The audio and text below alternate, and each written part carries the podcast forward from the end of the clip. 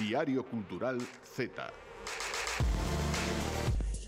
Ola a todos e a todas e benvidos e benvidas unha semana máis a este espazo eh, cultural para a xente da miña idade. Tiene que dicir, para xente como a min, pois como a Roberto, pois xente eh, Z, que xa sabedes que a xeración Z pois ten cousas, bueno, pois como a Ángel, non? É que agora aquí vais a me enfadar todo o mundo.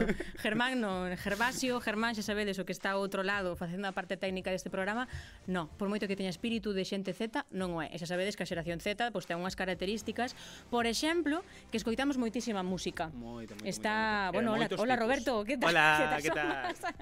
Que tal? Aquí vos fala efectivamente Paula Cantela e Roberto, que tamén escoitamos moitísima música. Moitísima. É moi variada. Exacto, porque claro, pues, eh, estamos nunha época na que xusto naceron, ademais de moitos xéneros, moitos artistas moi diversos, temos moitísimas plataformas de consumo de audio baixo demanda, pois como non vamos a escoitar música? Agora está todo moitísimo máis democratizado. Pero sempre non che pasa que sempre falamos de xéneros musicais, de xente que fai música, pero que a canta, ou, por exemplo, tivemos unha violonchelista no programa, non? Como que falamos de quen fai a música coa instrumental, coa voz, Pero non che parece que poucas veces, exacto, nos paramos a falar con quen mistura con quen produce iso, porque iso, pois, pues, a voz, esta voz... profesións detrás de, de, dunha claro. canción, eh? non só o artista. Hai moitísimas cousas máis. Claro, moitísimas. E tampouco escoitamos soamente música activamente cando nos poñemos con Spotify. Porque hai moita banda sonora da mm, nosa vida, por exemplo. O sea, cando escoitamos música activamente é a banda sonora da nosa vida. Porque imos aí cos nosos cascos pola rúa. Bonito. Verdad, xa o sei. Pero as bandas sonoras das películas, das series. Vamos a ver, quen, quen non recoñecería Interestelar pola banda sonora tan característica Star Wars? Todas as películas eh, emblemáticas ou menos coñecidas, sempre hai algo que nos transmite, porque a, a música, a banda sonora, ten que transmitir a escena a que está en ta, en a esencia da película. A música está en todos e to, lados. E todo transmite. Xa falaremos, sí, pero eu creo que todo transmite. todo transmite cousas diferentes, claro. claro. Eso sí. Pois pues efectivamente, falamos disto agora no comezo porque temos un programa moi musical con partes da industria musical que quizáis son menos visibles, que quizáis reparamos un pouquiño menos nelas. Pero antes de entrar nas entrevistas que temos hoxe, nos espazos de colaboración das nosas compañeiras, Roberto, onde nos poden escoitar? Onde nos poden escoitar? É eh, pues, que pois sea a pregunta do millón. poden escoitarnos en na misión en directo da Radio Galega, sábados e domingos de de dúas e media agora a tres e cuarto, eh... porque aumentaron. É que no Nadal regalaronnos isto, agasallaron estar un pouquiño máis con minutos de Z. Eh, logo, pois tamén poden escoitarnos en todas as plataformas de audio, en radiogalegapodcast.gal, que é a nosa plataforma de podcast da Radio Galega, da Radio Pública, e logo, pois, na canle de YouTube da, da TVG, Poden vernos este maravilloso plató, estes, estes presentadores, todo. Exacto, todo, porque mira, esta, temos unha árbore, bueno, preciosa. tremenda, tremenda, tremenda. Pois efectivamente, tamén nos poden ver nos reels que facemos Correcto. na Radio Galega, que son unha chulada, eh, non é porque os pagamos nós, É porque que tamén. porque non lo di a xente.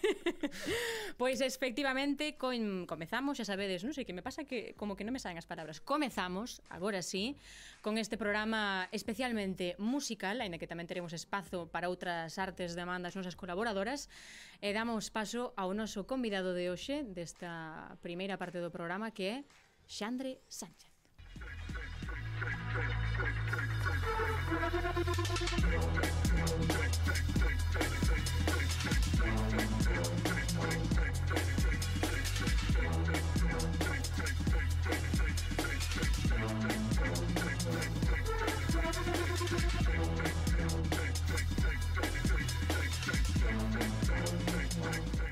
Claro, eh, quen estea nas casas día, e quen é? Alexandre Sánchez. Antes de que Roberto nos faga unha biografía estupenda, adianto vos que Alexandre Sánchez é Sebastián Black, a que agora vos sabe moitísimo máis. Agora sí, Roberto, explícanos quen pois, é Alexandre, quen é Sebastián pois Black. Pois Sebastián Black, eh, Alexandre Sánchez, Xandre, pois é produtor musical, DJ e, e promotor, naceu en Moaña, nas terras de Iaguaspas, en, en 1991.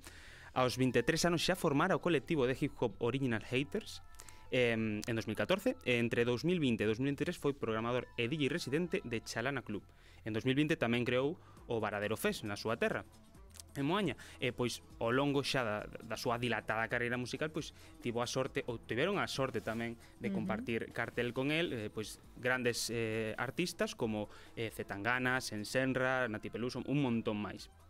E por si estos non eran xa pois suficientes motivos para, non? para conversar con nós, pois eh, hoxe ben falarnos tamén de Black Lights, que é o, o seu novo selo discográfico eh, e tamén do seu novo EP, eh, Adrift. eh, disponible en todas as plataformas dende o 22 de novembro, que é unha mestura de, de varios xéneros pois que nos ten que explicar un pouco Xandre. Boa tarde, Xandre. Boa tarde. Que opinas? Fixemos ben a biografía?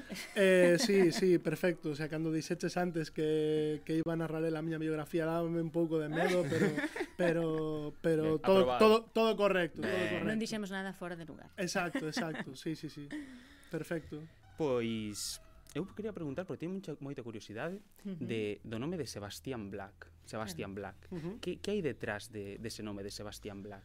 Pois, a ver, detrás do meu nome tampouco hai unha historia así demasiado demasiado épica. Eu chamome Alexandre Sebastián, vale? Así mm. eh, nome composto de así como de telenovela típica. De Fidalgo tamén, sí, un sí. pouco de Fidalgo. Eu imagino que vives sí, nun pazo agora mesmo. Sí, sí, total, total. Eh, e bueno, pois non sei, o sea, desde o desde o mundo dos disjockeys, produtores e tamén desde o mundo do hip hop pois opoñerse a apodos é algo así que que é bastante usual e bueno, a verdade é que pois pensando, non, en en como podía pois poñerme ese nome sin ser exactamente pois Xandre, que como me coñece todo o mundo, non, ou tal, pois ocurriuseme isto de unha maneira bastante aleatoria, eh? non che gustaríame poder venderche unha historia guapísima de isto, pero bueno, foi así bastante aleatorio, a verdade eh, sacaches pois ou un novo selo discográfico, bueno, un selo discográfico que Black Lights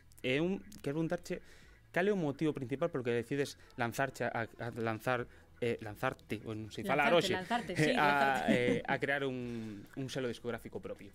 Bueno, tiña moitas, o sea, é un proxecto que me rondaba a cabeza desde hai bastantes anos, pero pero bueno, como creo que como calquer persoa que é autodidacta ou que aprendes pola túa conta todo o que ten que ver coa música, como é o meu caso, pois moitas veces eh, hai certas certos pasos que non sabes como dar, tes certas inseguridades que ao mellor non sabes como queres facer un proxecto pero non sabes onde poñer a primeira pedra, non? Por así decirlo. E, e con isto, pois bueno, era algo que ao que me iba como achegando en posibilidade de executar cousas e tal, e, e non o tiña nada claro antes de sacar a Drift, eh? o sea, pensaba en sacalo como, mira, como independiente, sacalo en plataformas e tal, pero cando lle conseguín, cando conseguín como empacar o concepto que quería transmitir con esas tres cancións, eh, vin que podía ser a primeira pedra pois posta en esa dirección e decidino pois pois de un tamén de unha maneira así como pois veña, vamos a por isto, ¿no? E a idea un pouco de montar o sello tamén é pola inquedanza de editar música de outros artistas, ¿no? Uh -huh. É dicir, de poder pois ter unha plataforma na que, pois bueno, si hai certos sons afins que están surdindo non nun momento dado, eh, pois bueno, pois é algo que sempre me fixo ilusión que poder pois brindar ese espazo e traballar desde a outra parte, non? É dicir, des, non desde a parte pois dun intérprete ou directamente de alguén que executa, non, a música, sino desde unha parte máis editorial, eh facíame moita ilusión. E, bueno, pois ese é un pouco, digamos, o, a chispa, ¿no? o, ese, ese detonante, ese orixe. E antes de entrar en Adrift, non? que é o EP que, que digamos, ves a presentar aquí ao Diario Cultural Z, aquí imos a comentar agora como se crea un selo discográfico, porque, claro, todo o mundo sabe mm. como se emprende unha empresa, por exemplo. Pero como se crea un selo discográfico? É dicir, que, que forma, eh, por exemplo, eh, ten? É dicir, eres autónomo, tes que facer unha sociedade limitada? Igual é unha pregunta un pouco tonta, pero a ver, non entendo eh, como se eh, compón. O selo, mm. o selo, o sea, o, o selo discográfico ao final é unha é unha etiqueta, unha, unha, marca, ¿no? unha bandeira, unha marca, Ajá. ¿no? un nome que ti utilizas para para amparar en este caso unha serie de edicións musicais. De momento pois é un EP, claro. eh, o ano que ven pois sairán cousas novas, tamén con novos artistas e tal, pero bueno, basicamente o sea, eu son autónomo, eh, pois teño un estudio, tamén son promotor, tamén son disc jockey, uh -huh. o sea, me me des desenvolvo todas esas actividades, entonces bueno, non digamos como que a decisión non é tan de 0 a 100 como decir de repente non teño nada que ver con isto, de Exacto. repente me teño que facer autónomo, editar ou tal. O sea, eh, realmente o rédito que lle pode sacar a, a esto é máis ben baixo, pero sobre todo nos inicios, é dicir, emprender uh -huh. con un selo discográfico e sacar música como a que acabo de editar eu, o sea, empresarialmente é un proxecto suicida totalmente, no? O sea, non non ten non ten ningún tipo de como de proxección de primeiras económicas, sí que pode, pois nun futuro traballando ou tal, pero pero bueno, que digamos a, é a primeira pedra, non, para poder seguir en en ese camiño. Eu fago moitas máis cousas, como decía ben antes el cando cando narraba a miña biografía uh -huh. e, e isto pois pretende ser pois como un complemento máis, non? Uh -huh. Eu teño moita curiosidade, porque claro, ti a unas eh, de, de, dúas funcións que a de, a de produtor e artista que moitas veces, bueno, moi, na maioría dos casos está separada. Eh, Claro, moitas veces é esa tira floxa, esa, esas tensións que moitas veces hai entre produtores e artistas. Claro, non sei se ti, ao ser produtor e artista ao mesmo tempo, non sei se facilita as cousas ou, ou a fainas máis complexas. Claro. A ver, discutes eh, contigo mismo. Eh, a ver, unha, é unha pregunta interesante, oh, pero qui, eh, quizáis quizáis coido que no meu caso non se ciñe 100% ao mellor ao exemplo que ti plantexas no sentido de si pensamos en un produtor, pois por exemplo de hip hop, que fai unha base instrumental para que acante unha persoa, eh, pois bueno, sí que pode haber como certas pois diferencias, oye, pois non me gusta esta pista, non me gusta esta este teclado, estas baterías ou o que sea, non? E pode haber certas historias. De calquer maneira, eh, de calquer maneira, bueno, a produción de música electrónica, o sea, en unha non sempre, pero nunha gran maioría de casos, pois é unha persoa sola que podes delegar, colaborar con, con outros produtores que che fagan arranxos, certas pistas ou tal, pero, pero bueno, normal é que sexa que sexa, vamos, pois unha unha persoa sola, vamos, o sea, no meu caso non, non o vexo como como algo, como dous roles mm. metidos en un, vamos, o vexo como como realmente unha única visión. Em, centrándonos xa no, no EP, en, en Adrift, por que ese nome? Que, que é Adrift? Adrift non é a deriva, pode ser. Sí, Adrift en inglés significa mm, estar a deriva, E, bueno, adoptei este título porque, como ben di un, un gran amigo meu, eh, eh, os artistas eh, tiran o dardo e despois dibuxan a Diana, ¿no? Pois, basicamente, o, todo o concepto de Adrift eu como que primeiro obtiven esa materia prima e logo unha vez eh, pudendo vela un pouco dende lonxe e tal e con certa perspectiva todos esos temas algúns descartes que houbo e tal pero vendo como nexo que todos esos temas tiñan en común eh, ocurriuseme pois esta idea de chamarlle a drift barallando ese concepto que, que vendi Paula de estar a deriva non? eh, pois basándome un pouco en, en que o que me transmitía cando eu escoitei esas pistas que eu tiña creado eh, pois unha sensación como de incertidumbre, non? Hai moitos cambios mm. nas cancións, moitos cambios de ritmo bastante bruscos, eh, hai moitas texturas así bastante etéreas polo medio que fan así como unha textura pois tipo dron ou tal E, e bueno, pois eso encaixaba tamén con unha mensaxe, con un estado de ánimo que tamén eu estaba pois eh, tendo en ese momento.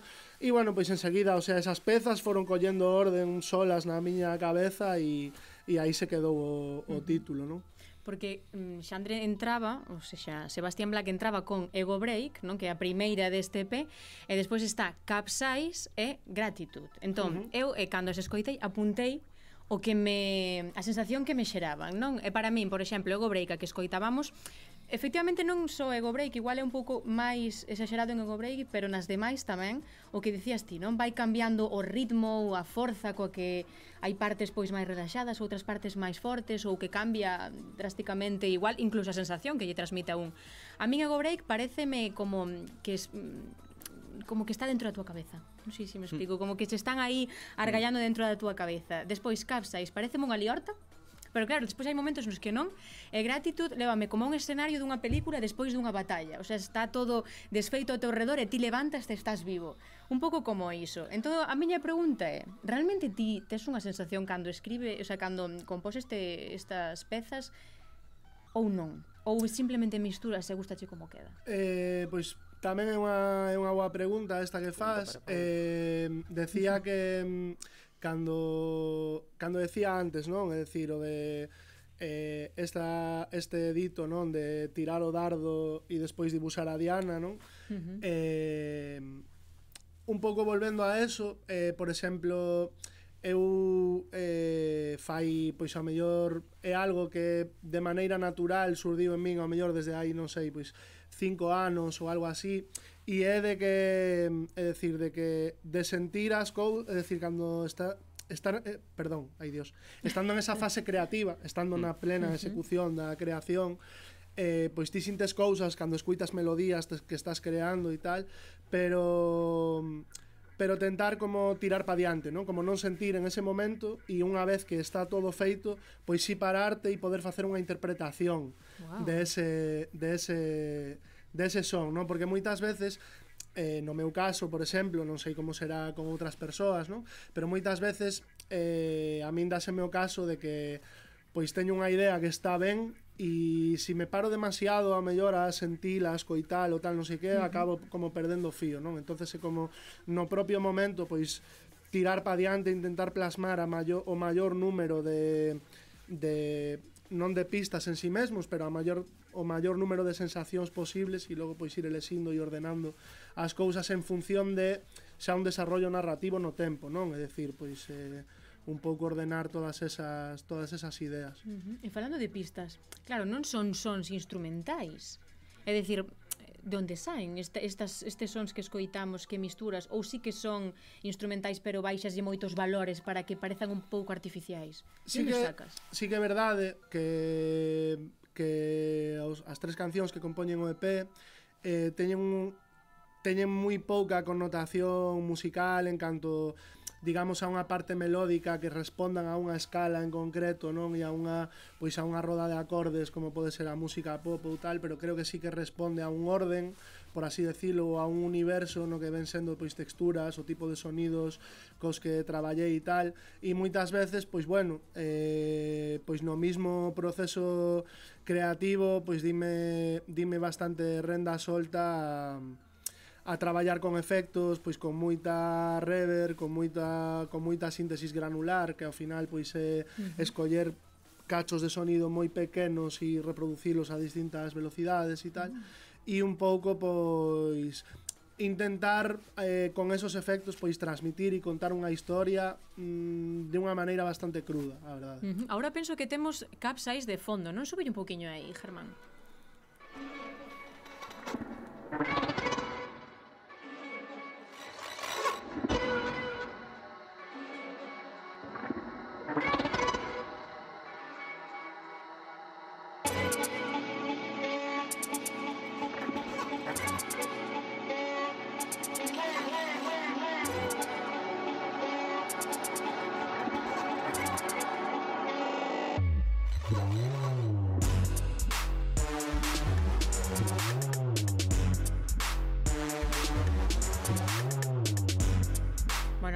pillamos xusto un dos cambios, non? Máis potentes. Sí, pretendía, bueno, un pouco antes a verdade que o, o coincide un pouco coa explicación que deches da sensación uh -huh. que che deu o escoitalo eh, cando decías esa como esa sensación de desorde ou de mm. caos. Capsize en inglés pois significa zozobrar, que ven sendo pois cando un barco se pon quilla ao sol. E bueno, bauticeino así porque unha vez creado, non, a sensación que me que me transmitían todos esos cambios, non? E toda esa toda esa enerxía en tan pouco tempo cambiante e tal, eso son moito contraste tamén e tal, pois eh, pois imaxineimo como eso, non? Pois como un naufrasio de que as cousas uh -huh. che, che suceden así moi rápido, non? E, e me imagino pois que bueno, que se che ocurrirán eh, pois mil maneiras de salvarte a vida, mil, mil cousas que terías, sabes? Pois bueno, un pouco en ese caos, non, pois foi un pouco o motivo de, de chamalo desta maneira. E os outros dous, por que se chaman Ego Break e Gratitud?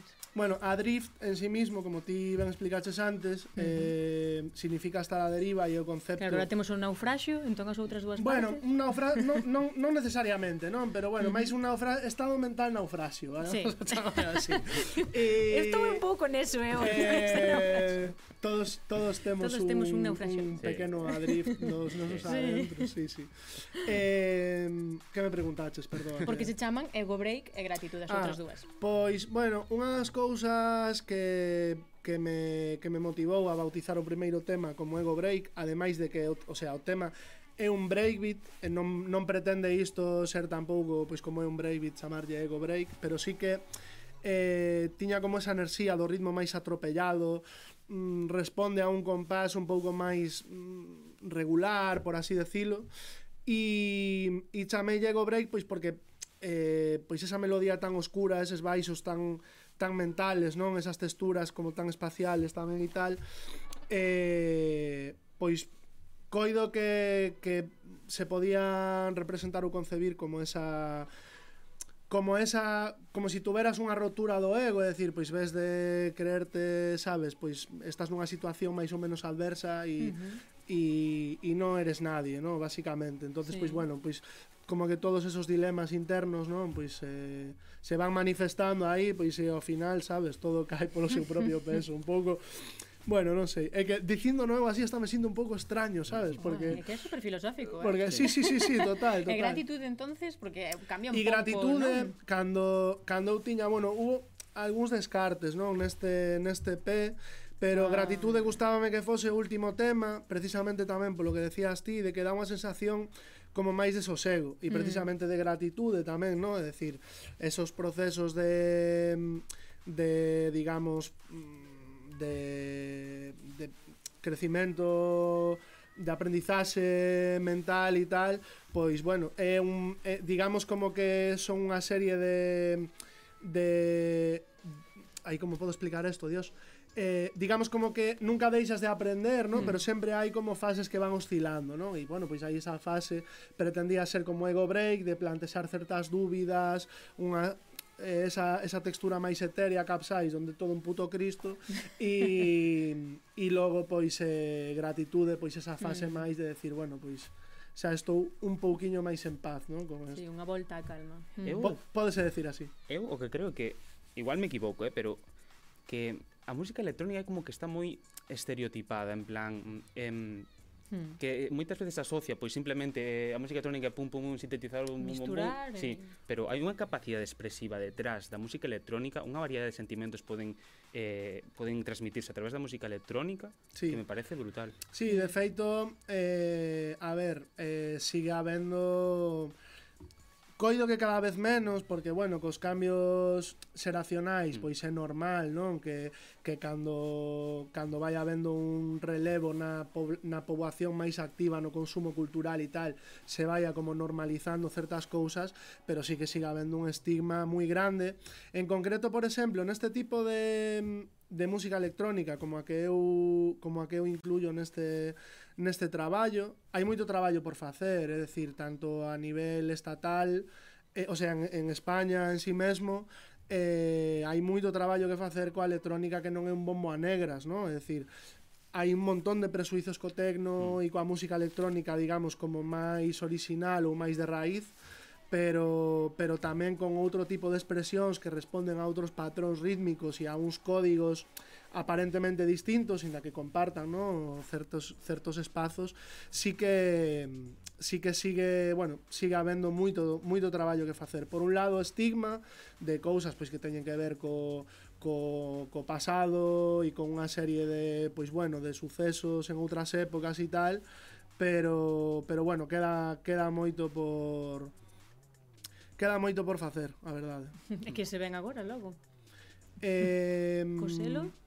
Pois, pois con Black Lights eh, 2024 calculo que por máis ou menos a metade de ano sairá un EP de un artista de un artista novo que podedes fichar oh. que podedes fichar en redes que se chama Menina que está Menina. bueno, sacando apunta sacando singles e, e tal, o sea, agora mesmo e uh -huh. bueno, e hai un traballo aí que, que estamos facendo para, para editar así pois un EP tamén así en en consunto e seguramente algún single máis, algo máis sairá por aí. Estou tamén traballando con outro artista máis, pero bueno, de momento non hai así como en batería ou claro. en tal, uh -huh. esta para 2024 un EP de Menina seguro. Bueno, pues esperamos un 2024 con moitas máis noticias de Sebastián Black, do selo discográfico de Sebastián Black. Así que moi probablemente teñas que volver a pasar por aquí por moito a teu pesar.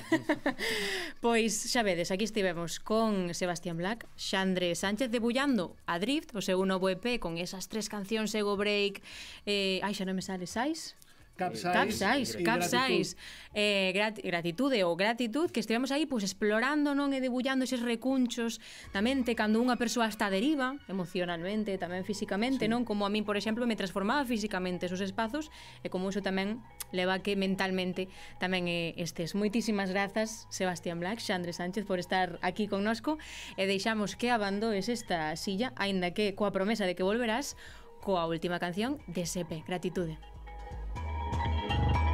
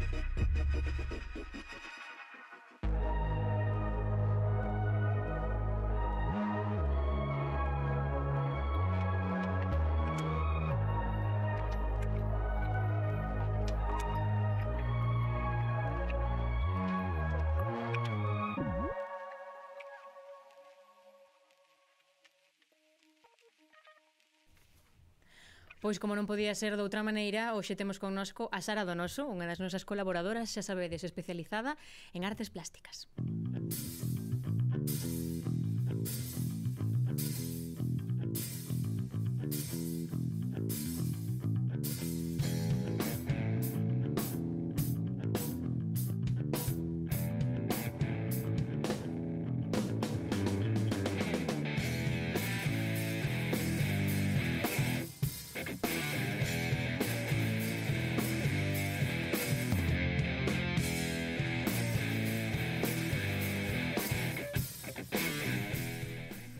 tardes, Sara. ¿Qué tal? ¿Cómo estás? Pues muy bien, Paula. A mí no se dice porque estamos, estamos no nada lo que, pero bueno, estoy un poco filosófica, o sea, también. ¿eh? Oh, ahí te es espíritu porque... navideño, como me gusta. No, no, en espíritu ah. navideño ninguna, ¿verdad? ¿eh? Jova, pero que no estás, algún proyecto pero... de Nadal? Non, para nada, pero é que faime moita ilusión atoparme de repente así con, con cousas que, con proxectos que digamos que me sorprenden, non? E que me fan creer aínda na arte e na educación pois como piares para soster este mundo eh, e mellorar un pouquiño a sociedade. Eh, eh, e, e diso imos falar hoxe, entón estou contenta. Bueno, bueno, como me gusta escoitar eso, é como un agasallo, non? Hmm. De, de Nadal realmente, que isto que nos vai traer Sara logo. Sí, sí, sí. Imos descubrir o proxecto Perpetuando, que está ideado por Olaya Sendón, eh, bueno, a base de todo é o seu libro A fotógrafa perpetua, eh, non pode estar aquí con, con nosco porque está de viaxe, pero xa fixo, fixemos os deberes e non lo conta ela mesma neste audio. E a fotógrafa perpetua un libro que eu, que eu comezo cando remato de, de escribir a Creveira Maravillas. E xa daquela me plantexo que iso vai a ser unha serie, unha serie de, de relatos de, de ilustrados, eh, donde as mulleres sexan as protagonistas, pero eh, un tipo de mulleres en concreto, unhas mulleres do rural, eh, unhas mulleres de certa idade, totalmente empoderadas, bueno... Eh, unhas mulleres que dende a periferia intentan sacar eh, intenta xerar unhas historias universais. Entón, así como a Creveira eh, ten este percorrido cara a Irlanda a través de un, de un colgante misterioso, pois perpetua o que fai eh, e, eh, se apropia de todas as, as imaxes eh, icónicas da historia da fotografía, non? Eh, e ao beiro deste libro xorde tamén o proxecto do que herdan o nome Perpetuando que se está a realizar en paralelo entre a Escola de Imaxe Son da Coruña e a Facultade de Belas Artes de Pontevedra eh, é unha maravilla escoitar e coñecer como se foi cocendo todo. Para cando eu eh, Remato Perpetua e a Saca Xerais neste 2023 sucede outra cousa que é que eu estou dando unha asignatura que se chama Proxectos fotográficos e eh, que vexo que teño que cambiala porque a chegada do chat GPT fai que non teña sentido pedir ningún traballo teórico rapaces, non? Entón eu me plantexo este cambio e xusto coincide coa, coa saída a público de, de, de Perpetua. Daquela... Eh, hai un exercicio hexemónico que se fai dentro das dentro do sitio da, dentro da pedagogía da imaxe, non? Como que di, eh, que copiar os autores, non? O sea, se pode facer con cuadros, eh, pois penso nun Hopper, nun Vermeer, nun Caravaggio, eh, ou se pode facer tamén con imaxes fotográficas. Non é un traballo moi completo porque os rapaces requiren un análise de saber como está a iluminación, de como está a composición, eh, a posta en escena e logo tamén unha, unha parte práctica que é, que é moi importante. Entón, é un exercicio moi completo que se fai, se fai sempre, o sea, é un, é un exercicio habitual. Entón, me plantixo que, volve, que, que é unha boa idea volver a retomar ese exercicio, pero darlle un interés especial. Claro, e aqueles que traballamos o xénero eh, estaba claro cal iba a ser o interese especial. Non? Entón eu me plantexo que na historia da foto non é allea a todos os demais historias, non? O sea, a historia da arte, a historia universal, todo isto pasa o mesmo en todas, non? Están eh, escritas baixo a mirada dun home. E, de feito, todos os, eh, unha inmensa maioría dos fotógrafos referenciais, sobre todo a nivel do pasado, son homes e as mulleres son as que son musas. Bueno, non estou a descubrir nada, eh? isto é eh, eh, coñecemento común, non? Entón, eh, en vez de dialogar de algunha outra maneira con isto, se nos ocurre eh, abordalo dende a vía da utopía, non? Pois imaginarnos que pasaría se si isto non tibera sido así, non? Se si a igualdade tibera sido un feito xa dende o primeiro momento, non? E, e o exercicio era moi sinxelo, o sea, simplemente invertir os roles, non?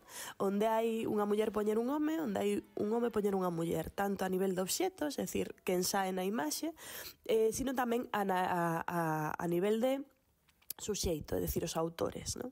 Entón, Irving Penn se convirte en Ivy Penn, eh, algo tan sinxelo como un cambio de nome. Eh? O sea, o que é moi visual é o que se ve a través da fotografía, non?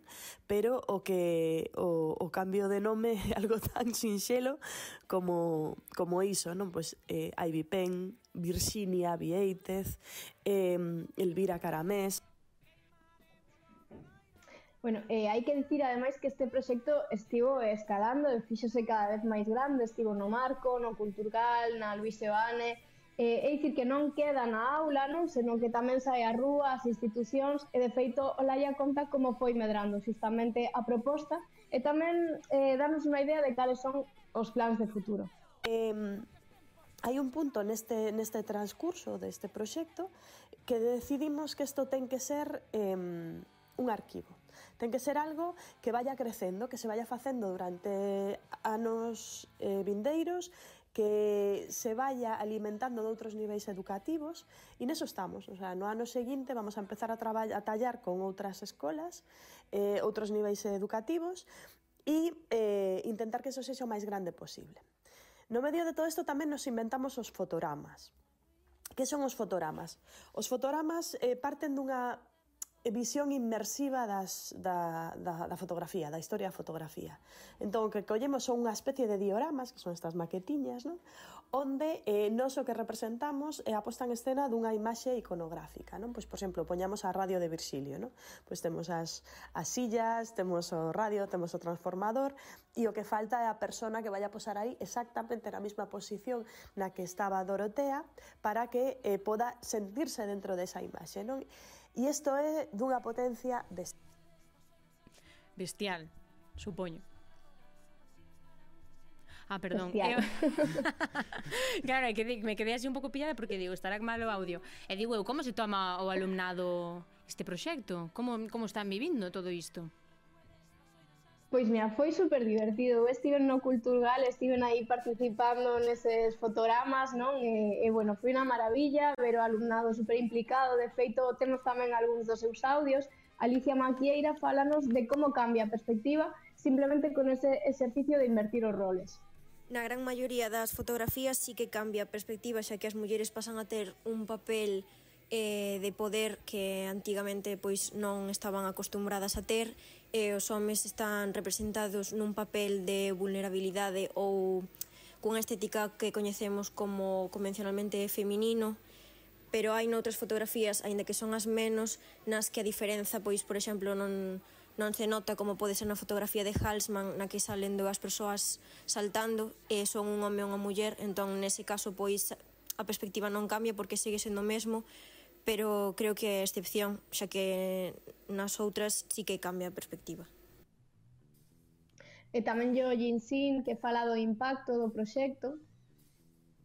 Pois está tendo unha magnitude que non pensábamos que ia ter o proxecto e malia as complexidades, o proceso de recrear as imaxes foi moi divertido, é verdade. E foi todo un reto de, de creatividade en canto a elaborar a, as postas de escena. E despois penso que tamén eh, temos a, eh. a Martín Gómez, non? Que nos eh, vai contar por que temos que seguirlle a pista a este proxecto. Pois este proxecto foi moi interesante de facer, estivemos traballando durante tres meses, cando non estabas ca túa fotografía, estabas axudando un compañeiro a facela, E a min encantoume, verdade? Aprendín un montón de fotografía, de edición... Eh, foi moi bonito, especialmente por ver as 22 persoas dunha clase levando cada un un traballo por individual en paralelo cos outros e chegando á mesma exposición. E podes pensar, 22 persoas, non creo que todos estén ben, pode fallar algún, pois non. Os 22 traballos son todos perfectos, ti ves as fotos e a min parece un traballo espectacular. De verdade que merece a pena velo eh, porque é moi novidoso e interesante de ver. Que gozada. Pois pues quedadevos con estas palabras de Martín Gómez, non? De velos de que todos os proxectos uh -huh. están chulísimos. Sara, ti eh, supoño que nos podes falar de primeira man de que opinas deso, deses proxectos Jo, son moi, moi guai, moi guai. A verdade é que foi moi divertida a experiencia do Culturgal e sobre todo que todos podemos coñecer estes proxectos porque uh -huh. podemos visitar a página web que perpetuando.com ou o Instagram perpetuando barra baixa oficial. Así que non hai excusa para seguirlle a pista a toda esta rapazada. Efectivamente, aí deixa Sara Donoso a súa recomendación, nos tamén encarecidamente perpetuando barra baixo oficial en Instagram e perpetuando.com na, na web, na rede. Moitísimas grazas, Sara, por traernos outra semana máis unha recomendación chulísima. Vémonos na vineira colaboración. Moitísimas grazas. Nada, felices festas. Igualmente. Igualmente. Uh, que pouco se fala, Roberto. De que estamos no Nadal? Estamos no Nadal. Que cousa, que cousa. Ti algunha vez pasaches o Nadal fora? Sempre. Fora? Sempre. É que, claro, no. nacín en Burgos. Oh. Entón... Bueno, pero, o sea, claro, non fora... Pola, pola Noiteboa sempre, nunca, nunca estive en, en, non estás en Galiza. Sempre estou en Burgos. Pois que saibas que ven un extraterrestre todos No, entón vas o 24 sí, a Burgos. un día antes. Pero noutro país no, nunca... 24. Nunca estiveches pasando no, o Nadal.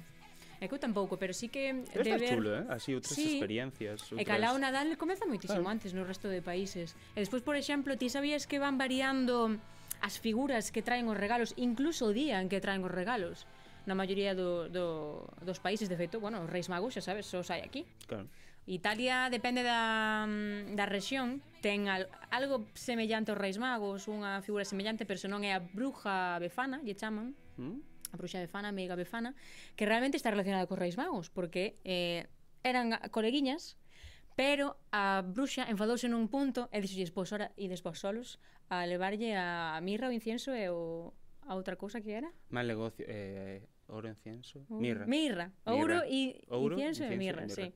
Pero mal negocio, porque ao final, mira, claro, no, pero despois, claro, despois ela dixo non, non, non, non, non, eu tamén. Entón iba detrás deles, pero dando Sumouse ao carro do éxito. Claro, sumouse ao carro de, do éxito, pero só en Italia. e despois, por exemplo, moi curioso, en Grecia regalaos o, o San Basilio. Entón entréganos o 31 de Eu lera de que decembro. nos paí, hai, en países nórdicos creo que era que había unha figura así rollo de medo Sí. Polo Nadal. Sí. Hai nomos. En, eu creo que en Suecia, por aí hai nomos. En Finlandia unha cabra. Entrega os, os agasallos unha cabra, xurocho. E despois en Islandia os gnomos, tamén en Dinamarca, sí, e polos países nórdicos, Suecia, Noruega tamén. E despois, claro, está o, a, o Papá Noel, que é moi pouco común. Realmente só hai en España, algunhas regións alemanas, Francia e, mm. e Portugal. Pero despois está o Abó das Neves, que xa é outra movida, e o Abó do Nadal, Que outra movida máis? O Papá Noel que eh, moitos igual non lembran que era verde antes. Claro, pero Coca-Cola cambiou, non? Claro, e todo radicalmente. A, a, pois sí. A no, a Bodas Neves é, é azul, penso. Pero é moi curioso, non? Como realmente, porque pensamos, ah, na globalización, cada vez somos máis iguais por para nada, porque xa Aquí che... somos moi sosos, eh. Aquí en moi España. Sosos, pero si temos regalos, regalos para para fartar, porque claro. temos dúas veces magos, regalos. eh, Papá Noel como moitos sitios. Non hai, bueno, está o palpador aquí en, claro, en Galicia. Ou o lenchero en o País Vasco, o tío en ah, Cataluña. Ah, sí que hai algún, eh? Sí, que sí que hai variedade, pero sí que, por exemplo, non temos. A min gustaríame, dende aquí lanzo un anuncio para todo o mundo que nos escoite, que fagamos algo diferente de acción, como de, mm, hmm. de, de tradición, non? Porque, por exemplo, en Irlanda é moi común, non sei se o sabías, que os rapaces e rapazas se xunten e, así como nos saímos en Aninovo, eles tamén, pero é obrigatoria, é obrigatorio que vayan a 12 Irish pubs, pubs eh, irlandeses a beber cervexa e beban unha cervexa en cada un deses bares. Porque Eso un bar fan un... moitos aquí xa. Eh. Eso, probablemente, porque cada cervexa e cada bar representa un mes do ano. Entón van así os coleguiñas, sí, sí, sí. Ou, por exemplo, en Grecia, tíranse ao, ao mar, eh, a, como a pelexar. Bueno, aquí, aquí non nos no, podemos no. tirar ao mar, que morremos de frío. Pero sí que hai, como, a ver, obviamente, en Inglaterra é moi coñecido, non? Porque temos moito coñecemento da cultura inglesa, non tanto doutras, mm. pero da cultura inglesa, o, claro, teñen o, como se chamaba este, o pastel de carne, teñen o todo o rollo este do, do que tiras, non? Que estás ti dun lado e eu do outro, mm. tiramos e quen queda co, co cachiño máis grande gaña. Moitas cousas. Teño moitas cousas. Non, que despois, claro, todas os nadais empezan moi pronto no resto de países. Os mercadiños de Nadal, que agora tanto copian aquí. Pois isto naceu en Nuremberg, no 1700 ou así. A que non te esperabas que souber estas cousas eu? Bueno. Moito sabes. Tes moi pouca confianza en min, Roberto. Eu confío. Eh. Pois... As veces sí, as veces non. A... Na, na, a como? bueno, vamos a falalo, vamos a falar. No, no, no. Como que non confías en min? Por que non confías en min? Era broma, hombre, unha broma de Nadal. Unha broma de Nadal, vouche, vouche dar un sopapo que che mando a Burgos, a forrocho viaxe, a viaxe toda. Pois pues espero que pases moi ben en Burgos, Son eh, Roberto. moitas horas de viaxe. Pero, pero dame igual, que o pases ben ou mal, eu as túas horas de viaxe, por que non marchas? Porque temos que continuar co programa.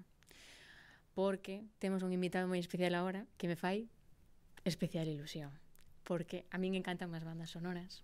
A miña favorita, xa, xa o dixen, é Interestelar. E bueno, volver a decir toda a miña vida Interestelar. Non é a mellor. Cal é a túa? Non sabes? A dos Simpson está moi ben. no, pero sí que é certo, a ver, cada serie, cada película, cada cada curtametraxe, cada creación audiovisual, a banda sonora adecúase e non é peor unha por ser unha banda sonora de máis risotas senón que é boa no momento non en que che transmite o que a escena no que aparece eh, che transmite o mesmo. A del guardaespaldas. Sea... El ¿Sí? guardaespaldas. Eh, ah. Oh. La de... Mm, eh, and, uh, eu que sei yeah. que canta. Esa. Mira, ¿no? mira como canta. Germán Rí. Pero, pero, mira como me... Perdón, pegóveseme. A ah, de Titanic, as de Titanic. Titanic Bof, eu choro, a mí se me ponen... vamos a deixar de facer o ridículo e vamos a falar de bandas sonoras cun rapaz que sabe moitísimo de bandas sonoras porque é compositor das mesmas. Damoslle paso a Luis Álvarez.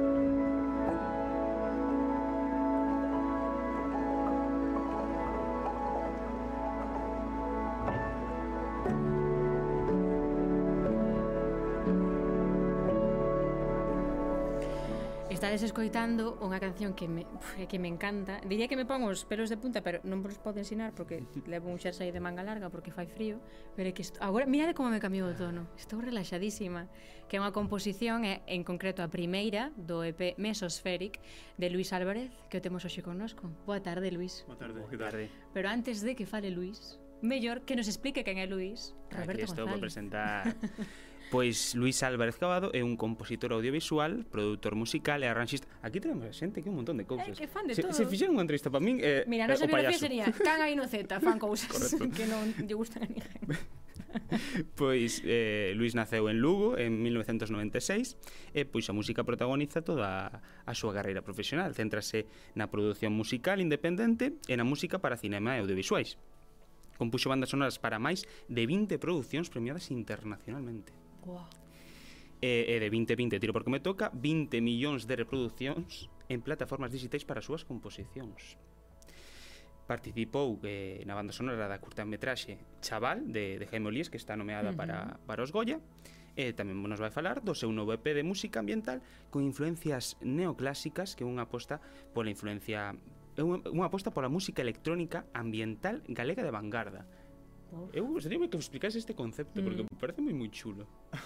Básicamente, creo que a historia é que veño dun sitio que é como a música clásica, porque o estudiei no conservatorio dende mm. moi novo. Que instrumento? Piano. Ah. Piano, sí, despois diversifiquei cando facía falta, pero eh, veño dai do piano clásico e despois cando empecé a escoitar outros tipos de música máis electrónica, máis sobre todo de ambiente neste caso, quixen non tirar solo por a estética de moito sintetizador, moito digital, e quixen incorporar como elementos da música no clásica, sobre todo a nivel de desenvolvemento dos temas, a nivel de incluirse un que tipo de melodías, que tipo de armonía, sabes, en plan, coller un pouco desa influencia e metela na estética máis eh, de vanguarda. Mm. Tamén eh, mesturas pois correntes procedentes de, de Estados Unidos, do, do norte de Europa, eh, cunha base pois máis máis tradicional, máis máis daqui. Que puntos de unión ou non ou que non puntos de unión hai entre estas pois correntes estranxeiras e máis as daqui? Unha pregunta esa, eh? Que Roberto solo fai boas eh, preguntas. No, no, todo, todo, todo moi ben.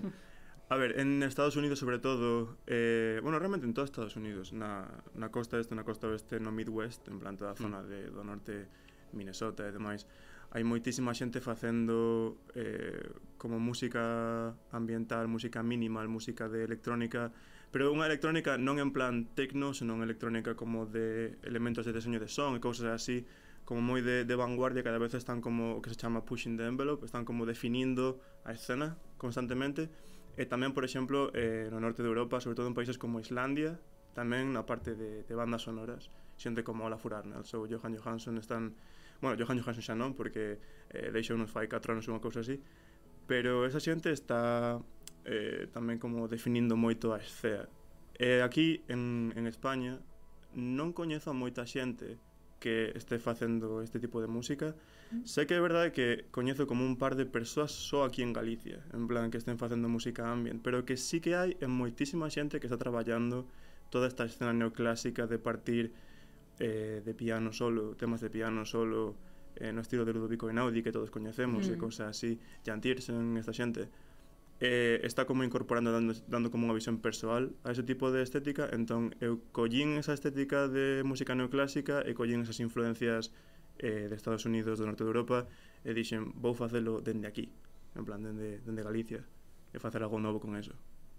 Como unir esos elementos, un mm. pouco así. E tamén eh, incorporas pois desenvolvementos intimistas, eh, creo que xa o mencionamos antes, eh, non sei se é posible eh, facer eh, electrónica intimista e eh, eh, superar eses tópicos que xa falamos algunha vez de, de, de asociados a este tipo de, de electrónica de que é, é simple pum pum pum pum, por decirlo de alguna maneira. Uh -huh. hmm. Eu comentaba o vosso colaborador antes, eh, Xandre, con Sebastián Black, eh, todo o tema de mm, ese, ese bombo a, a negras, ese bombo en plan todo uh -huh. o rato. É como que a xente asocia máis co que a electrónica sí. pero hai toda esa corrente de electrónica que basicamente consiste en xerar texturas en xerar como paisaxes sonoras. Hai eh, xente que está facendo cosas super interesantes aquí en Galicia. Hai un home chamase Joan Xil López, eu escotei unha peza que era solo como de, de grabación para paxaros en plan, que era increíble, en plan, só deseño de, de son eh, a nivel electrónico. Entón, cando me refiro a unha electrónica máis intimista refírome a ese tipo de música que se tías coitas dis, vale, hai un elemento que non distingo e eh, que non é como xerado por instrumentos tradicionais como pode ser o piano, as cordas ou instrumentos de vento eh, pero ao mesmo tempo está, está xerado por instrumentos digitais entón de aí ven a, a electrónica intimista quizás en plan, non é algo que te impulse a bailar senón que é algo que métete máis como unha especie de trance de mindfulness, por así decirlo uh -huh. Gustaríame tamén saber, eh, máis centrado na parte de, de bandas sonoras uh -huh. eh, con que compuxeches, Como é compoñer eh, unha, unha banda sonora para un filme ou para unha curta? Como é o, ese proceso creativo de, de claro. creación desa banda sonora? Ves, a, cur a curta está feita cando chega a ti esa proposta de poñerlle música ou dinche que queren transmitir nunha mm. estea en concreto e ti confeccionas a canción?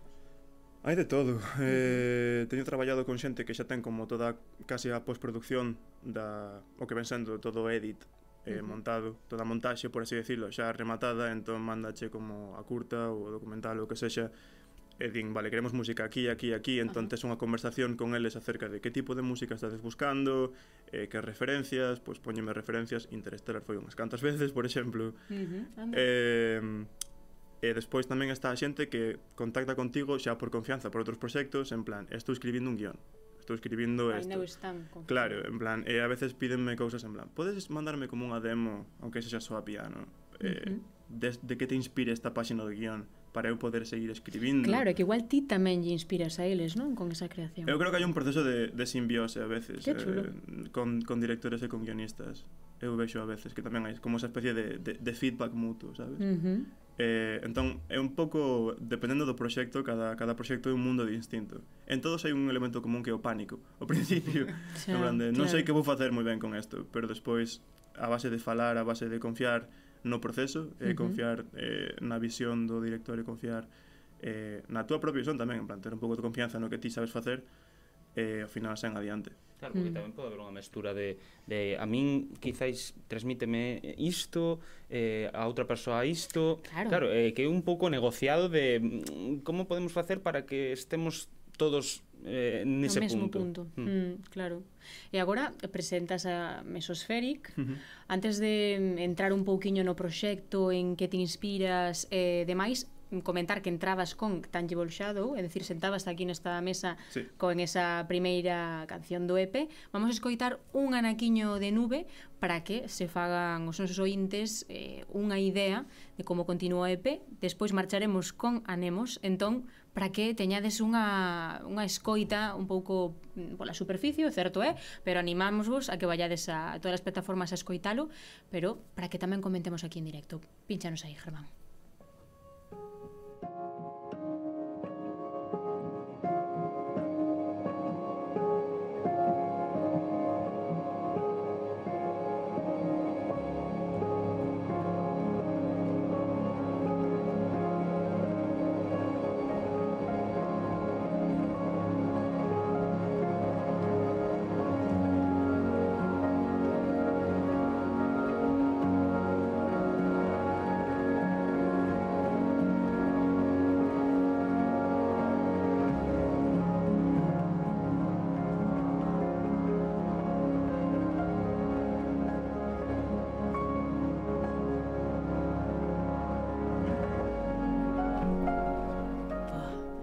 É que pese a ir na mesma liña, mm. non, que a primeira, é como que xa tamén che levanta, che desperta algo máis. Contanos logo, agora con nube de fondo, Mesospheric, para que nace, eh, é para algunha produción audiovisual, non?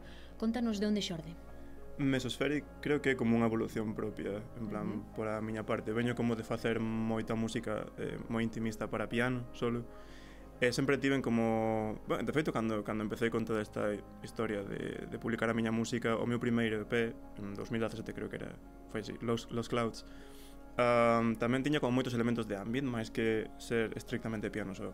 E quixen como volver un pouco. Dime conta de que o mellor estaba me limitando, e, en plan quedábame corto a hora de expresar o que eu quería expresar, porque toda a miña idea de facer música xorde do problema de que non sei expresar moi ben o que sento a veces eh, con palabras. Uh -huh. Entón, eh, para min é moito máis fácil a veces poñer acordes ou poñer unha base ou que sexa. E incluso os acordes se che estaban quedando curtos, non? Logo, claro, entón, din, este piano solo igual estaseme quedando corto, quero ir un pouco máis alá, e de feito, en 2024 eh, a miña intención é explorar un pouco tamén o, o, o tecno máis minimal, pero con esta especie de texturas tamén. Tamén como moi inspirado por toda esta tendencia estadounidense tamén, a facer como máis eh, algo un pouco máis movido, algo que se, que se, a, que se acerca un pouco máis ao mainstream, por así decirlo. Pero sí, ven, ven dunha evolución propia o de querer facer ese tipo de, de música ambiente. Este EP para min supón un, un xiro de, de 180 grados non, pero igual de 90 así, en plan sobre o que eu viña facendo antes.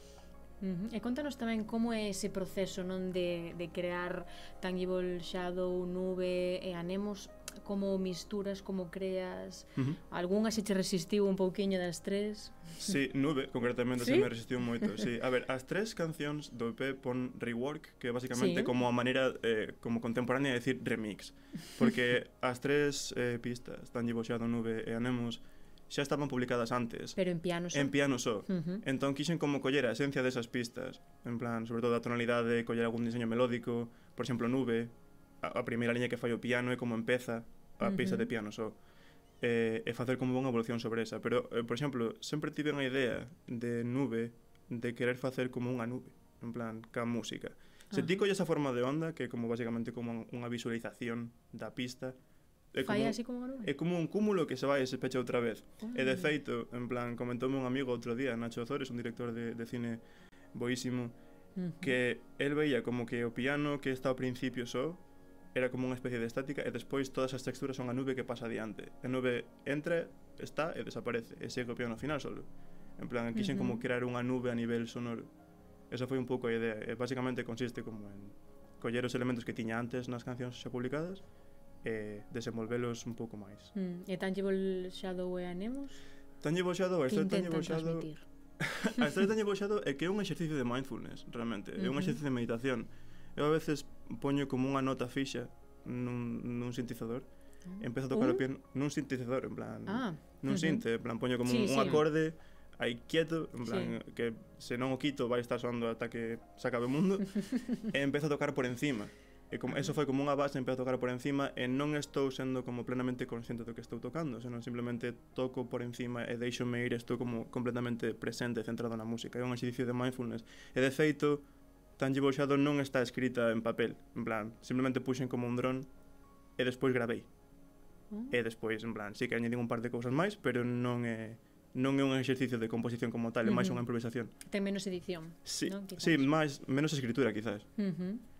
Eh, e Anemos, Anemos foi como unha especie de desenvolvemento completamente da, da peza de piano original, porque, por exemplo, a peza de Anemos ten guitarra, cosa que ningunha das outras dúas ten. É verdade. E dixen, vou coller as melodías, e os exercicios melódicos e incluso os acordes da pista original de piano, e vou no facer tamén para, para guitarra e añadir elementos e engadir tamén pois, outro tipo de texturas distintas que acompañen a, a estética. É un pouco máis como soame máis fráxil, por así decirlo, que as outras. Uh -huh. outras son como un pouco máis densas, e eh, Anemos concretamente como máis...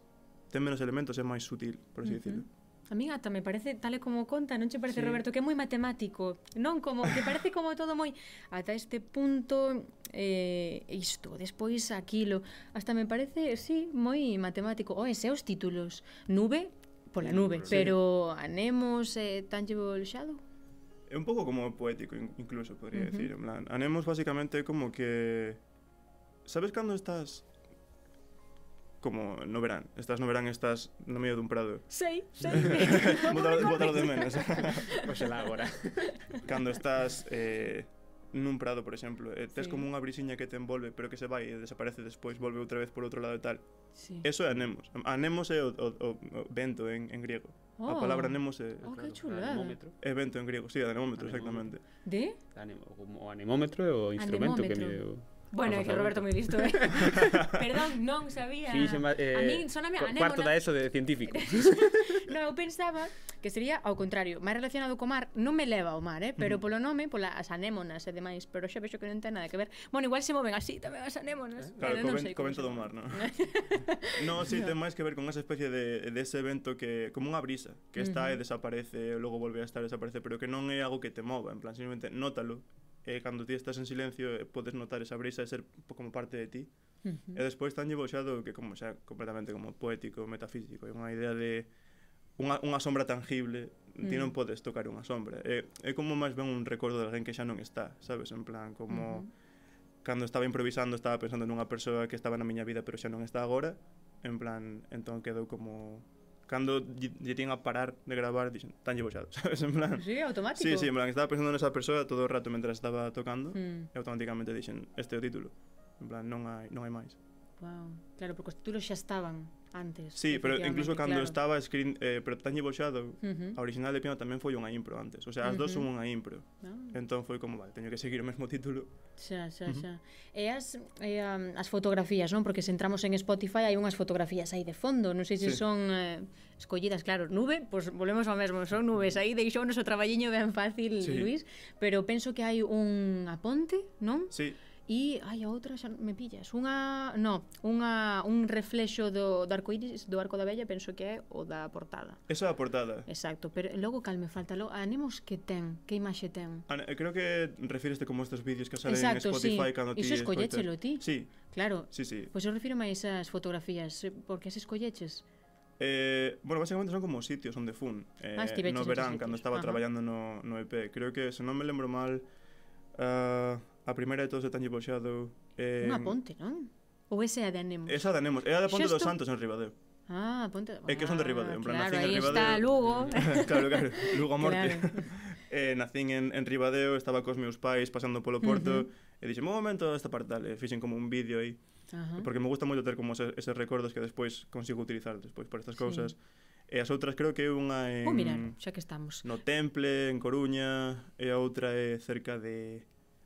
Ares pode ser, non me lembro agora mesmo. En plan, é curioso porque se vas ao vídeo de YouTube aparecen as coordenadas, porque encontrei o sitio. Anda. En plan, e se pon as coordenadas vas a Google Maps e aparecen. Non me digas. Sí. Claro, se si anemos Anemos é a ponte. Anemos e a ponte, Vale, sí, sí estábamos con... estábame confundindo eu. Ah, efectivamente, tanlle sí, boxado... Sí, un atardecer en tanlle boxado. Un atardecer. Wow. E despois en nube como unha baía. Sí, non? Sí, pero é todo, é, todo, é todo en Galicia. Ah, claro, eu fixeime nas nubes. claro, sí, sí, sí, sí. Pois pues que chulo porque tamén te te, te levan un pouco, claro. E, e, sentimentalmente. Sí, tamén os espazos ademais da música tamén transmiten oes. Eu quero preguntarche polo do do Goya, o de como é iso de hmm. crear a banda sonora para unha produción como é Chaval sí. de de Jaime Olías, no penso, que está nominada a un Goya. Bueno, estivo nominado o ano pasado. Estivo? Sí, eu porque a... entendí que era para 2024. Bueno, pues, eh, traspapelaronse máis páxinas webs para eh, o ano pasado, efectivamente. Sí, para o ano pasado estivo nominado a mellor cortometraxe de ficción. Uh -huh.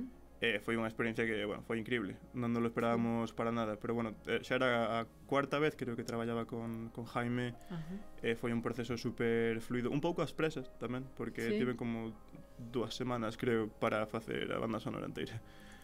Uh, que foron como 24 minutos de música sen parar. Dúas semanas. Sí, además... Canto che adoita andar de, de marxe así habitual habitual, eh, prudente, pero ao mesmo tempo eh, que case un pouco co traballo que conleva facelas, uh -huh. que supón facelas.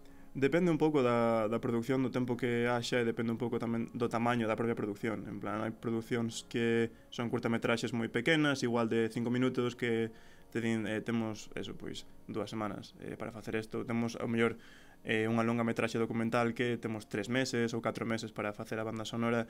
Eh, non, non adoita ser tanto tempo, xeralmente. Na industria da, do cine, de, xusto na composición musical, adoita ser incluso menos tempo. En plan, tres, dous meses...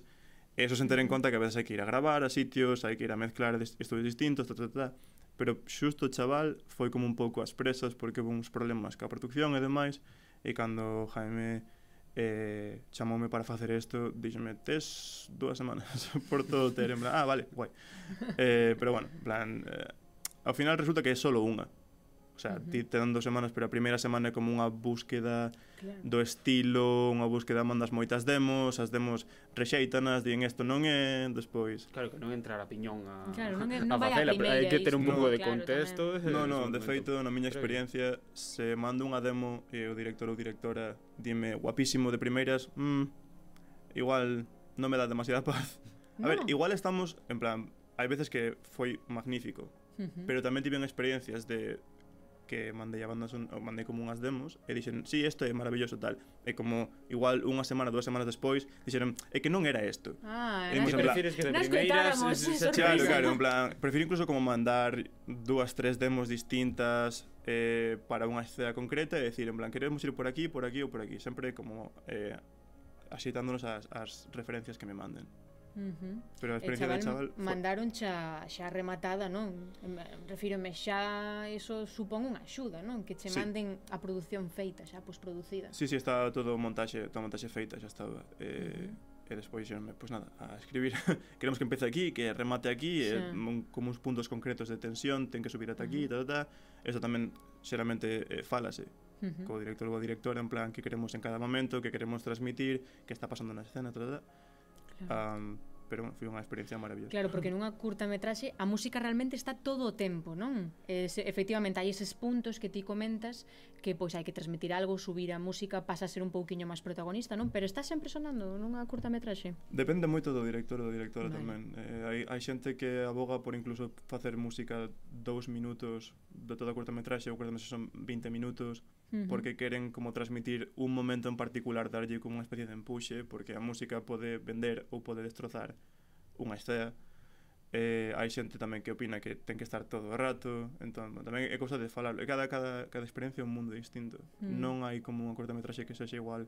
que outra na miña experiencia Xa. E para prepararte, eh, se, cando tes xa o produto feito, xa non está nunha fase de finalizado, cantas veces te, te pos a, a curta hasta un pouco ter interiorizada, ou a curta ou a longa, para, para ter interiorizado un pouco a esencia da, da produción? Igual entre entre as veces que as vexo enteras todas as escenas igual, non sei, 100, 200, 300. É moi gracioso porque cando oh. cando se estre... sí, sí, cando se estrea a a proxección. Claro, diálogos. Claro, eu estou rezando diálogos por dentro, eu fago como, eh, os xestos que fan os actores, sabes, como ou hai frases bueno. que se che pegan moitísimo e ti incluso podes chamar a ou ese fragmento de música podes chamalo como unha frase e mandalo así despois en plan para que o editor teña día frase aquí, pon aí, sabes, en plan uh -huh. co, co time frame e todo isto, pero É que ese é o problema, que igual vexo 200, 300 veces entre porque Cada unha, claro, porque que se teño que facer eu toda a banda sonora, teño que compoñer, teño que producir, teño que mezclar. Entón paso moito tempo vendo o mesmo sabes? Mm. Claro, logo chegas os tres e dis... E dis que me entrevisten nada, a mí, que director, eh, directora, entrevístame a mí que sei mellor. Pero nunca traballaches agora que comentas que, claro, que tens que facer todo pro, o proceso, uh -huh. porque eu tiña moita moito a imaxe de que en banda sonora supoño que sí, que en grandes producións ou sí. que sexa, ou que sei, no Titanic, pois pues sí que se nota que hai unha orquestra detrás. Mm, sí. Claro, sí que hai máis xente involucrada. Nunca traballaches como con un equipo, quizáis ou reducido ou máis grande, eh, que como foi a túa experiencia? sí que teño traballado con equipos, sobre todo teño traballado con, con músicos, en plan, eh, por exemplo, eh, se necesito un, unha guitarra, se a quen chamar, o meu claro. mellor amigo Sergio Win, músico increíble, eh, podo chamalo sempre, sempre está ou ben a casa ou uh -huh. incluso teremos traballado a distancia por Zoom e demais. Eh, por exemplo, tamén se, se require un chelo, un instrumento que eu non domine, tamén podo chamar a xente, a amigos meus da, da carreira, ou amigos meus de, de toda a vida de Lugo que tamén toquen uh -huh. estes instrumentos, e despois a veces teño a sorte de que, por exemplo, en Chaval, eh, fomos a mezclar a banda sonora a Best Digital a Madrid, que é tamén onde mezclan moitísimas películas e tal, mezclamos en, en Dolby Atmos, e cando chegas ali escoitas a túa música, ves de traballar con cascos ou no, nos teus monitores sí. de referencia, de repente escoitas en Dolby Atmos, dis, ah, era isto. Sabes, en plan, merece a pena todo, todo o esforzo. Pero sí, hai equipo, pero para que haxa equipo a veces ten que haber máis presuposto. Claro. Que é o problema que hai xeralmente cas producións. Sí, efectivamente, co audiovisual e coas producións. E que se ven agora de traballo para Luis Álvarez?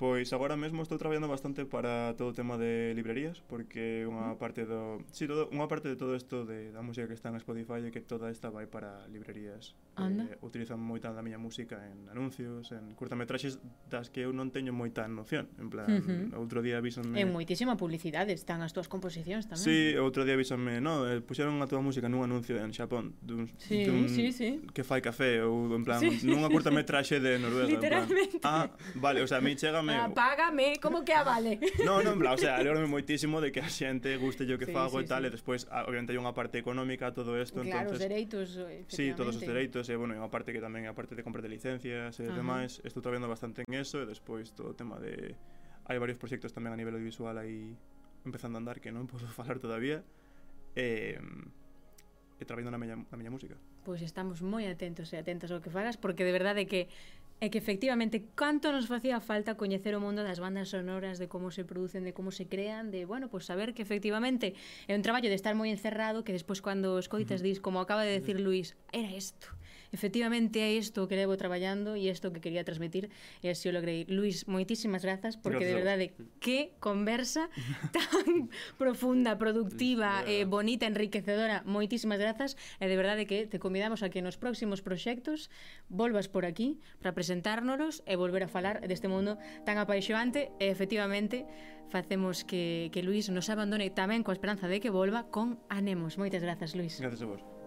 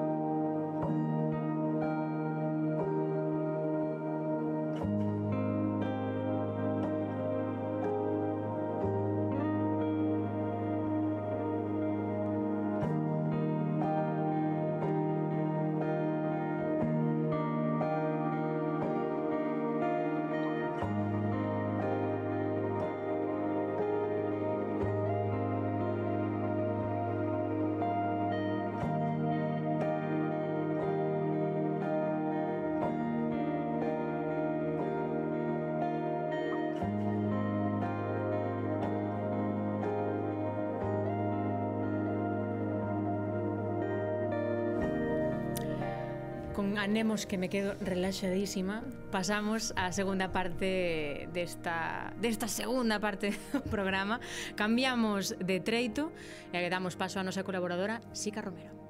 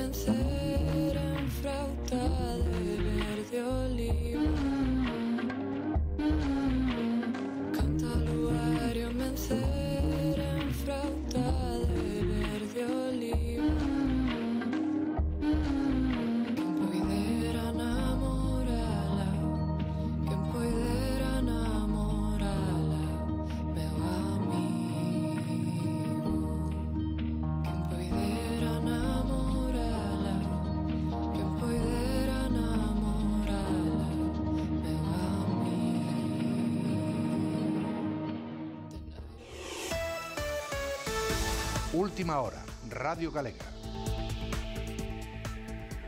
Galicia rexistra a maior cifra de desaparecidos por afogados nun día dende os comezos da crise. O actual contexto social tamén supón perdas na produtividade galega próximas ao 34% e unha forte reacción social a través de Ser Mais, a plataforma dirixida por Lucía Rey. O territorio galego sofre nas últimas xornadas unha das maiores vagas de desaparecidos pola crise de afogados. A Xunta de Galicia, a través da Consellería de Presidencia do Goberno, vende notificar esta mesma noite a cifra de persoas afectadas polas inmersións dos seres mariños. 21 novos casos, a súa maior parte menores. As cifras diarias, as máis altas a toda agora, inscríbense dentro dunha semana de aumento disparado do número de desaparecidos, con cifras moi próximas a vintena tamén o luns, 17 desaparecidos e o martes 19 desaparecidos. Tendo en conta as estadísticas emitidas dende a Consellería, o período do luns 8 de setembro ao domingo 14 vai camiño de converterse na semana con máis desaparecidos por causa afogada.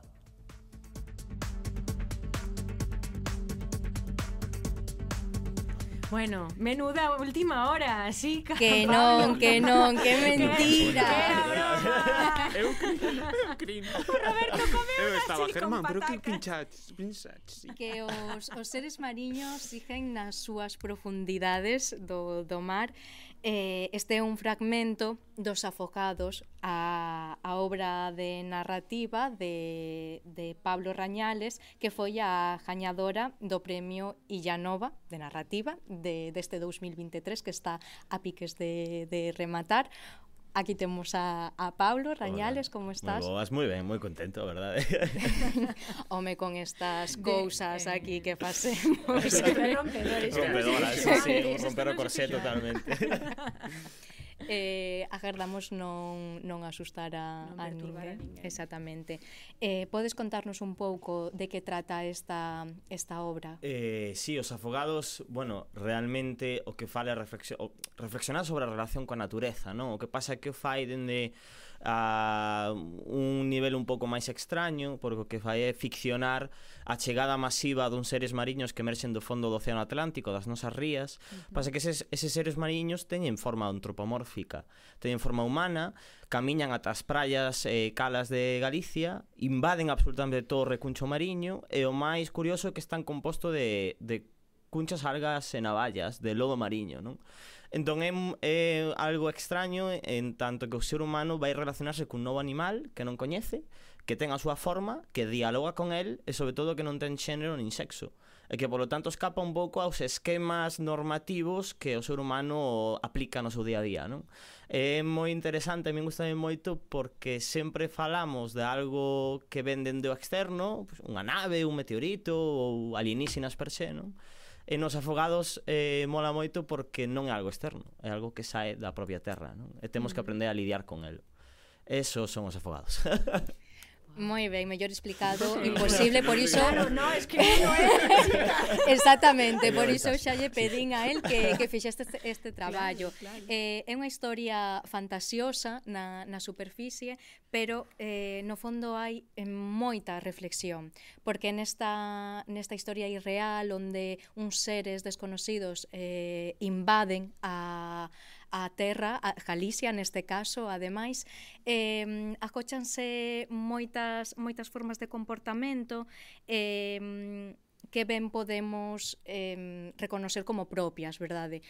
E a sociedade afronta como pode esa situación estranísima, non hai tanto tempo que nos afrontamos tamén unha situación estranísima como ben puidemos, e aí onde se ve unha tendencia a actuar nesta, nesta novela, non? E a, a responder con violencia ante o desconocido, e ante aquilo que se sinte mm, aqueles que sinten por debaixo, por non saber quen son, eh, como son, que van facer, se lles van, se van a quitar a sociedade, a, a xente, as persoas, non o, os postos que, que logramos acadar, e, eh, e o temor ese expándese ata ser histeria colectiva. E eh, coido que hai moitas reflexións que, que, que están no fondo, non? eh, escribes, polo tanto, lévanos isto non a, a universais, eh, que mm, dunha historia de fisión que eu eh, coido que, que se vai creando e que pouco a pouco, segundo avanza a novela, vai nos dando máis pistas e vai se construindo e construindo ata ter case un edificio non eh, con, con escritos crípticos.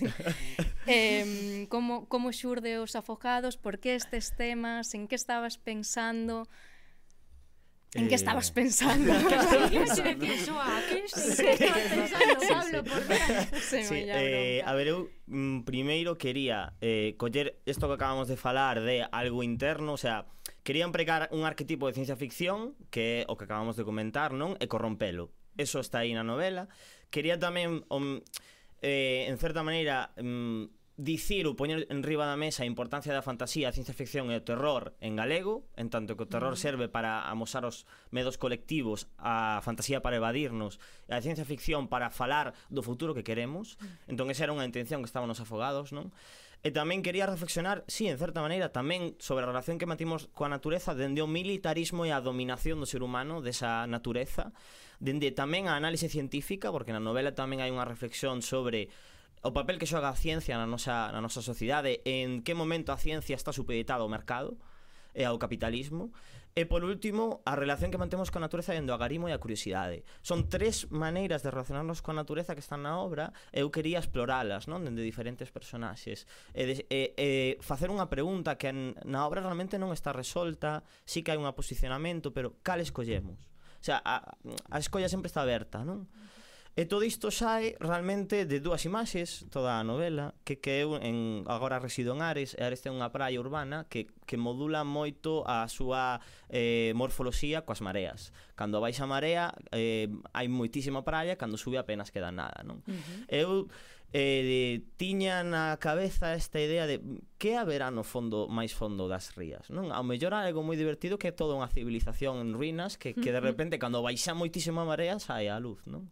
E xuntei esa imaxe coa idea dunha, dunha figura que no seu momento era femenina que estaba composta de area, non? Pero fui modulando hasta que en vez de... bonita. Sí, entón dixen, pois ese, en vez de ser unha figura femenina, unha, é un colectivo que escapa máis ao masculino e femenino, e polo tanto pode recibir o nome da Fogade e aínda por riba sae desa, desa fondo da ría non? que pasaría, que faría o ser humano como reaccionaría dentro desas tres vertentes non como reaccionaría o Estado, a sociedade civil as crianzas esa foi a, o, o, o inicio dos afogados non con este interese e con este compromiso tamén por pensar que temos que eh, determinar un horizonte futuro. É dicir, como a sociedade, que queremos no futuro?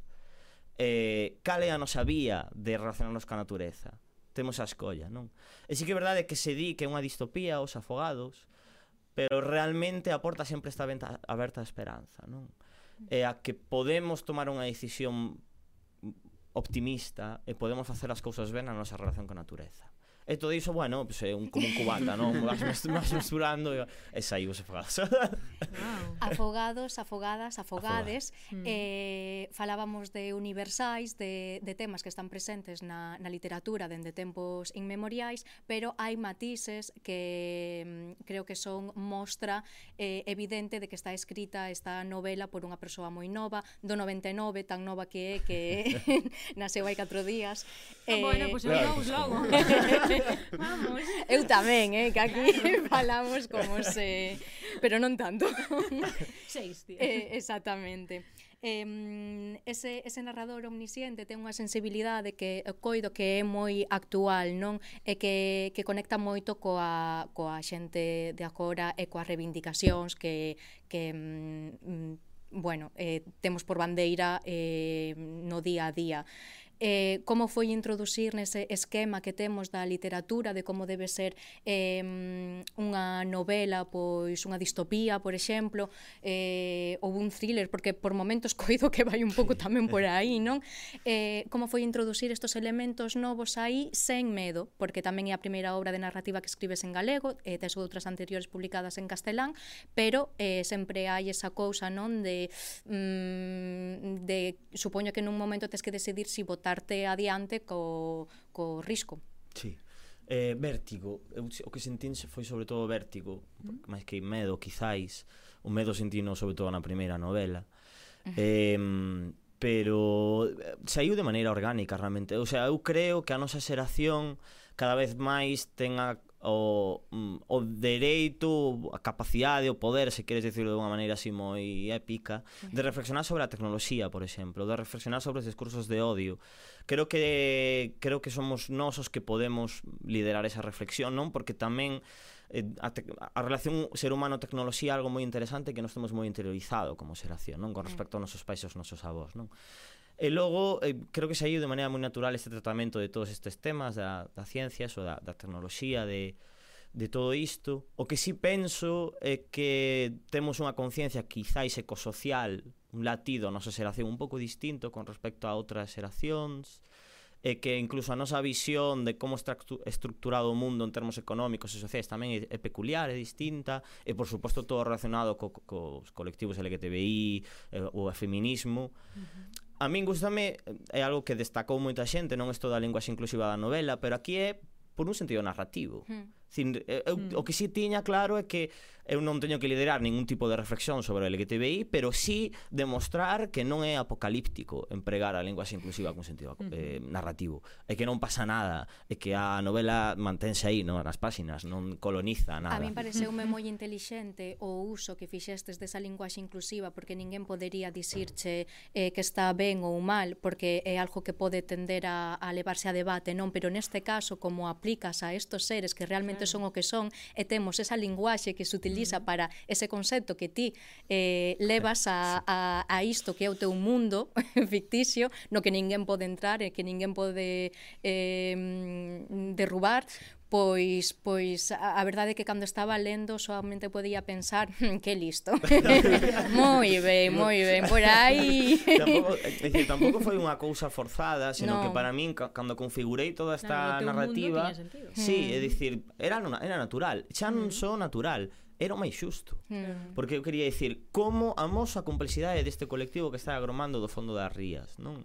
pois é eh, empregando esta linguaxe. Uh -huh, de maneira sí. orgánica, de maneira natural, sen forzalo. E si que é verdade que a voz narrativa ten posicionamentos moi fortes, non? E ten obsesións. A voz narrativa dos afogados está obsesionada, por exemplo, cos nomes, porque considera que os nomes dan singularidade e dereitos. Entón, Cando os afogados comezaron a recibir nomes singulares, hai un afogado que se chama Noa, que tamén non sabemos moi ben se masculino ou feminino. Claro, porque un nome sí. Eh, aí considera que xa ten uns dereitos naturais por ter nome, non? Entón a voz narrativa vaise eh, obsesionando con cousas e vaise posicionando. Incluso co, creo que está obsesionada coas primeiras veces das cousas. A primeira vez que pasa algo, cos registros, que é algo moi humano. Estamos moi obsesionados ca compilación compilación informativa, non? Uh -huh. É algo moi interesante que imaginemos a cantidad de información que producimos nun día en nun espazo físico, non? E máis, seríamos capaces de imaginalo físicamente. No, pues, no. probablemente non, non? Mm. E a voz narrativa está obsesionada con esas cousas e xoga e realmente é unha voz narrativa que non é humana pero está falando de cousas humanas como os afogados. Uh -huh. Entón, bueno, todo iso vai así facendo, digamos, un, un cors, unha estrutura, un, vai interrelacionándose. Falabas da importancia do, dos nomes, non? E de, de, de darlle esas, ese afogado, afogada, afogade que eleva o nome de Noa. E, e ao final Noa é a, a primeira, pero tamén eh, as que veñen despois, que non se saben se si seguen sendo Noa ou non.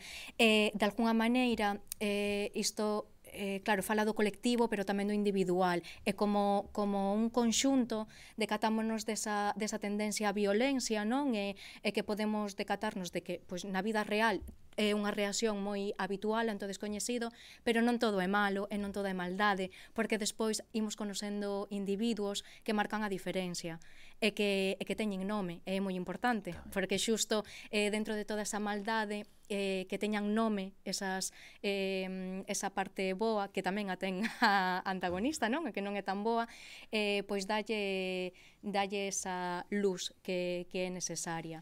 Entón, eh, que moitas veces critica senón esta, estas reivindicacións que, que facemos ou eh, por falar do malo, pero non, non consiste niso, é ver o que, o que hai realmente dende, dende diferentes perspectivas. Sí e non é, non é cejar eh, os ollos ao bo. É... Eu tiña claro que que precisamente sabendo que ia ter un marcado carácter distópico para a xente, tiña que estar representada a esperanza, non? O sea, na novela que hai é un, un neno que se chama Martín, e que lle chaman Martín o agarimoso, que é a persoa encargada de, de amosar a primeira mostra de cariño cos afogados, non? Uh -huh Entón, esos son fitos moi inter... moi, moi bueno, relevantes, na historia, na historia sí, mm. porque son a demostración de que efectivamente é o futuro o que ten que o que ten o poder de cambiar o presente, non?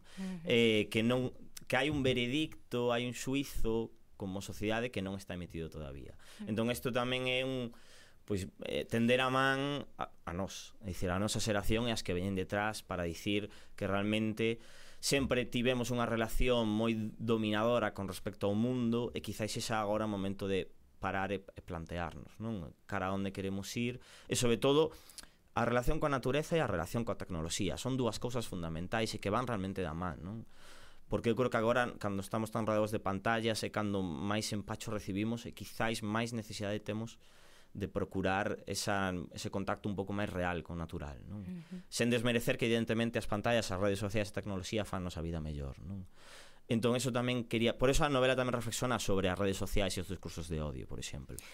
Eh, de feito, ti és periodista e na, na, nesta obra de narrativa conxújase pois, esa narrativa co, co xénero eh, do, co xornalismo eh, e hai tamén unha crítica a, aos medios de comunicación, ás redes sociais especialmente.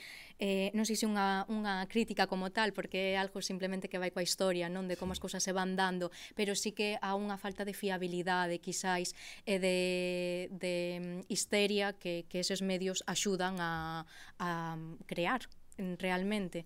Eh, como, como introduces, eh, coido que é unha parte de ti mesmo, non? Ese, eh, esas partes xornalísticas, eh, pero tamén eh, son eh, simbólicas na, na, na narración. Si, sí, eu eh, A verdade é que intento escribir, que intento facer que as historias non sexan lineais, porque entendo que a vida non é lineal e que polo tanto nin sequera o noso pensamento é lineal. Uh -huh. E polo tanto as historias mm, enteiramente lineais non fan xustiza a complexidade non? Do, do mundo. Por eso es, os afogados ten unha primeira liña narrativa co que fai debullar todo isto e logo vai introducindo outros formatos, unha nota de prensa, un informe, eh, incluso uns fíos ensaísticos para romper, romper esta linealidade, non? E para facer xustiza a esa complexidade. Eh, tamén eu entendía que, que neste contexto os medios de comunicación ian xogar un papel fundamental e a viralización a través dos algoritmos dos discursos de audios tamén porque o algoritmo en certa maneira non, non discrimina eh, é dicir, non, non capa se os se os propietarios dese algoritmo non queren que cape, non? E polo tanto o algoritmo vai detectar que este contido funciona moi ben, porque crea odio e o odio funciona moi ben e polo tanto vou amplificalo, non? Pois eu sabía que iso tiña que estar de alguna maneira na novela, non? Porque se precisamente estamos falando dun novo colectivo que se ve atacado discursiva e físicamente, pois as redes sociais tiñan que estar tamén aí nese ataque discursivo, non a, a un colectivo que non se entende eh, que cada quen considere que colectivo é ese, non? Mm. Neste caso os afogados, pero o bo que podemos xogar. Sí, claro, é eh, unha metáfora moi moi xigante. sí, é moi permeable a, a diferentes colectivos, sí. a verdade, cada quen pensará no que queira mentras lea a novela eh, só podo convidar a iso a, a que leades a, a novela. Eh, está aquí Paula xa poñéndome no, cara de... e a decir Poder... que me moita lástima porque non nos queda tempo pero bueno, xa vemos que Pablo dá moitísimo para falar porque mi madriña que, que labia tan tan bonita.